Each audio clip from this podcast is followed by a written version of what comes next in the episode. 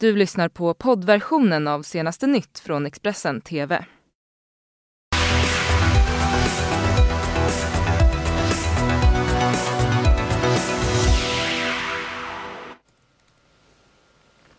Välkomna till senaste nytt. Det här är våra huvudrubriker. Stora delar av Manhattan blev svart i natt i omfattande strömavbrott. Ytterligare bilbränder i Uppsala under natten. Ungdomsgäng misstänks ligga bakom. Och ny svensk studie. Populära träningsappar samlar in känslig persondata från användarna. Mm, stora delar ut av Manhattan i New York blev plötsligt strömlöst i natt svensk tid.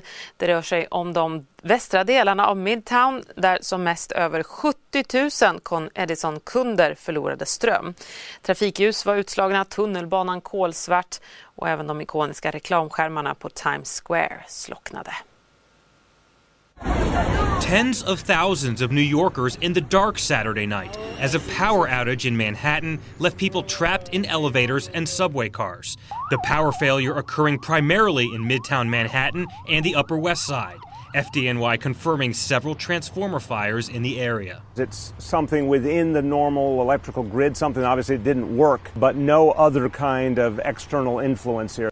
The outage also impacting multiple subway lines, according to the Metropolitan Transportation Authority. We experienced a significant disturbance on the west side of Manhattan at one of our electric transmission stations at roughly 6:50 6:47 p.m. that eventually interrupted power to approximately 73,000 customers. Thousands of New Yorkers taking to the streets when the lights went out. Several Broadway shows also in the dark. Restaurants, movie theaters, and other shows impacted as well. It looks post-apocalyptic. Looks scary. It's no lights, nothing. Totally dark. Not what I expected from New York. This New Yorker directing traffic at a busy intersection, one of several in the city without working traffic lights. City officials working to figure out what went wrong. We'll get to the after action. After the action, the first call of duty is public safety, traffic control, uh, additional law enforcement, because it is harder to police a blacked out city. I'm Steve Nannis reporting. Mm, vad som eh, orsakade strömavbrottet är ännu inte helt klarlagt alltså. Men strömmen kom tillbaka vid halv fem-tiden på morgonen, svensk tid i alla fall. Nu har vi med oss Jasmin Lund eh, direkt ifrån eh, New York. Jasmin, du är ju och turistar i New York, befann dig på Manhattan när det här hände. Berätta, vad tänkte du när det blev svart helt plötsligt? Ja, eh, vi är som sagt turister här och vi tänkte att sista kvällen så ska vi göra något alldeles speciellt och gå på Wicked på Broadway. Eh, och vi stod alldeles utanför teatern när allting bara blev mörkt. Och eh, utanför teatern så blir det väldigt mörkt för det är ett stort tak som annars lyses upp av massa lampor. Eh, så vi undrade lite, det var väldigt mycket människor och det var lite disorienterat. Vi undrade vad vi skulle ta vägen och vad vi skulle göra härnäst. Liksom. Mm. Hur reagerade folk runt omkring er? Nej, men det var väldigt mycket eh, undran för vad hände, vad, varför blev det... Vi stod ju just under det här stora taket också så det blev för oss väldigt mörkt även om det var tidig kväll och ändå ljust ute. Eh, så det var mm. lite förvåning och undran om vad händer och eh, vi kom inte in på teatern så vad händer med showen och så vidare. Men vad gjorde ni då? Vandrade ni hem genom ett, eh, till hotellet genom ett mörklagt Manhattan eller vad hände? Ja men precis. Eh, vi stod en timme och väntade utanför teatern innan vi fick reda på att nej men vi ställer in så nu får ni ta hemåt. Och, eh, då var det bara att promenera ner från hela Manhattan igen och då var det ju mörkt ute och det var väldigt mörkt bort mot kvarteren där det inte fanns några, någon ström helt enkelt. Och det var kaos i trafiken med extremt mycket utryckningsfordon, sirener och smattrande helikoptrar i himlen. Eh, så det var en liten apokalyptisk känsla när vi gick där ner från det avstängda Manhattan.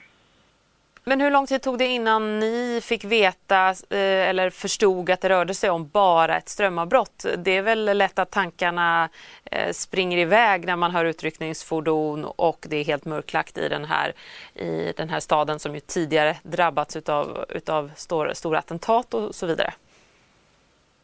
Ja men precis. Nu är vi väl hyfsat lugna utav oss men självklart så hade vi märkt att det var väldigt mycket utryckningsfordon eh, i även en bra stund, en liten stund innan liksom. Um,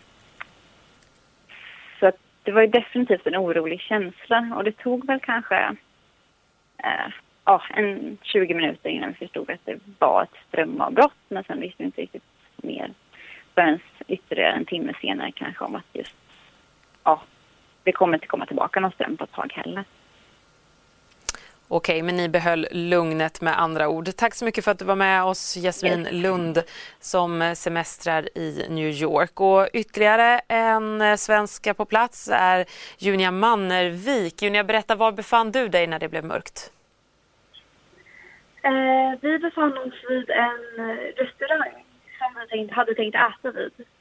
Eh, och när vi kom dit då, så var alla arbetare och personal ute på gatan. Eh, den här tiden var det fortfarande ganska ljust ute, så man såg inte riktigt alla lampor var helt släckta. Eh, och vi trodde först att det var ett brandalarm. Eller något sånt. Mm. Så vi fortsatte att gå och det var först när vi kom mot trafikljusen som vi såg att allting var nedsläckt.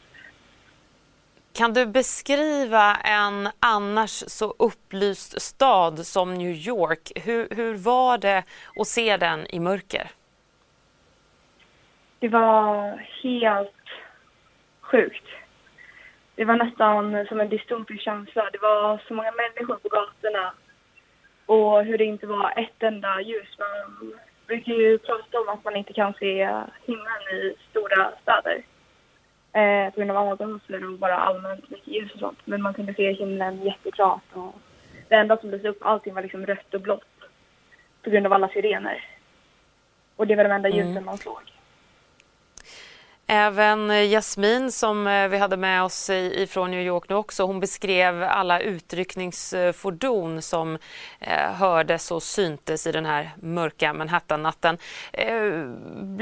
Hon sa att hon inte kände någon oro inför vad som hände. Var det samma med dig? Förstod du att det så att säga bara rörde sig om ett strömavbrott? I början så var, man, så var både jag och min vängrupp oroliga. Eh, vi började såklart fundera på vad det var som kunde ha orsakat det. Eh, men när vi fick höra om hur både lokalborna pratade om det och ingen på gatan verkade ha panik. Eh, så då kunde vi också känna oss ganska lugna med det. Man påverkades ganska mycket av sin omgivning. Och eftersom allting gick ganska lugnt till, även om det var mycket kaos i trafiken, så betedde sig alla ganska lugnt i alla fall så blir man påverkad och ganska lugnad av det. Mm. Ja, nu är strömmen tillbaka igen i eh, New York. Är allting som, som vanligt där? Eh, för oss är det. Vi har kommit tillbaka till vårt hotellrum så för oss är det ganska bra. Vi har kollat på nyheterna också och det verkar som att det bara... Eh, eller det verkar som att alla trafikljusningar som vanligt och trafiken går som vanligt. De flesta har kommit tillbaka till sina hotell eller respektive byggnader. Så ja, mm. det är ganska mycket tillbaka som det var innan. Tack så mycket för att du var med oss i sändning, Junia Mannervik. Ytterligare en svensk på semester i New York när det här strömavbrottet Eh, ägde rum. Ett strömavbrott som alltså ska ha orsakats av en tidigare brand. Men eh, exakt hur de här turerna har eh, gått till eh, är ännu inte helt 100% klarlagt. Men en tidigare brand orsakade det här strömavbrottet. Så till Sverige. I natt brann bilar på nytt i Uppsala. Igår natt så brann ju en hel carportlänga och i natt förstördes totalt sex bilar. De som misstänks ligga bakom nattens eh, bränder i stadsdelen Gränby är en grupp ungdomar på runt 10 15 personer. Ingen har dock kunnat gripas för händelsen ännu och det är oklart om de båda bränderna eh, har något samband. Läckan som startade ett stort diplomatiskt gräl mellan USA och Storbritannien för någon vecka sedan och som i förlängningen ledde till att Storbritanniens ambassadör i USA sa upp sig har nu identifierats, detta enligt uppgifter till Sunday Times. Det var i fredags som brittisk polis berättade att de inlett en utredning för att hitta vem eller vilka som spridit de hemliga dokumenten där ambassadören beskrev Trump-administrationen som oduglig och enastående dysfunktionell. Samtidigt publicerar brittisk press idag ytterligare läckta diplomatrapporter. I dessa dokument skriver återigen den tidigare ambassadören Sir Kim Derek om USA och att han tror att Trump bröt avtalet med Iran bara för att det var Barack Obama som tecknat uppgörelsen och kallar beslutet för citat ett stycke diplomatisk vandalism. Slut citat.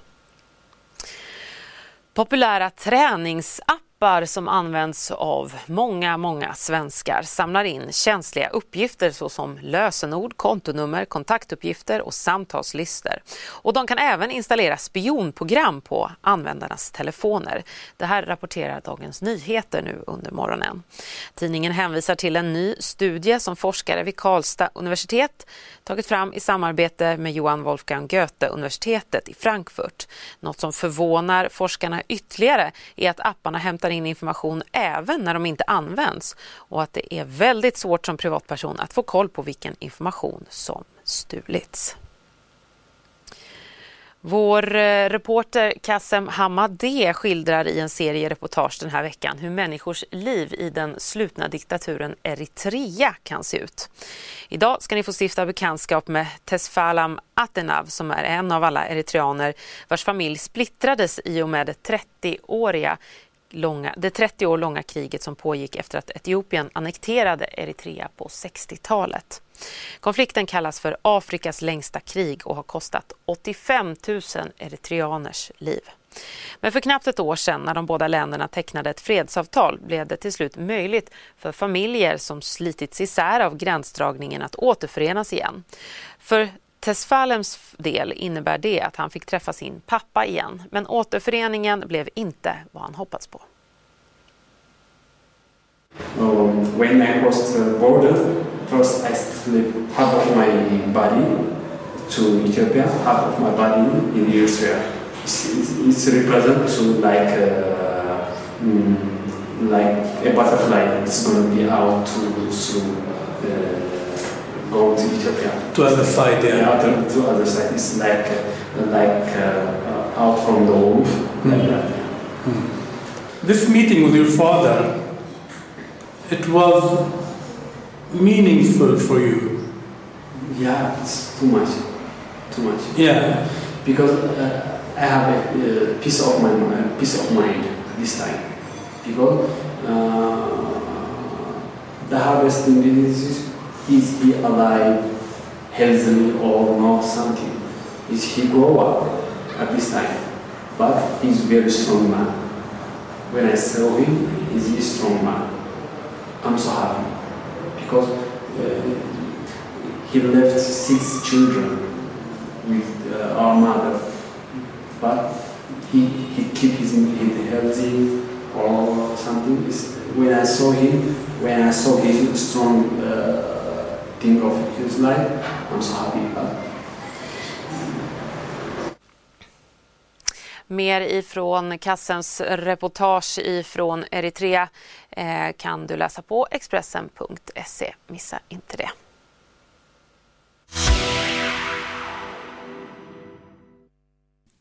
Du har lyssnat på poddversionen av senaste nytt från Expressen TV.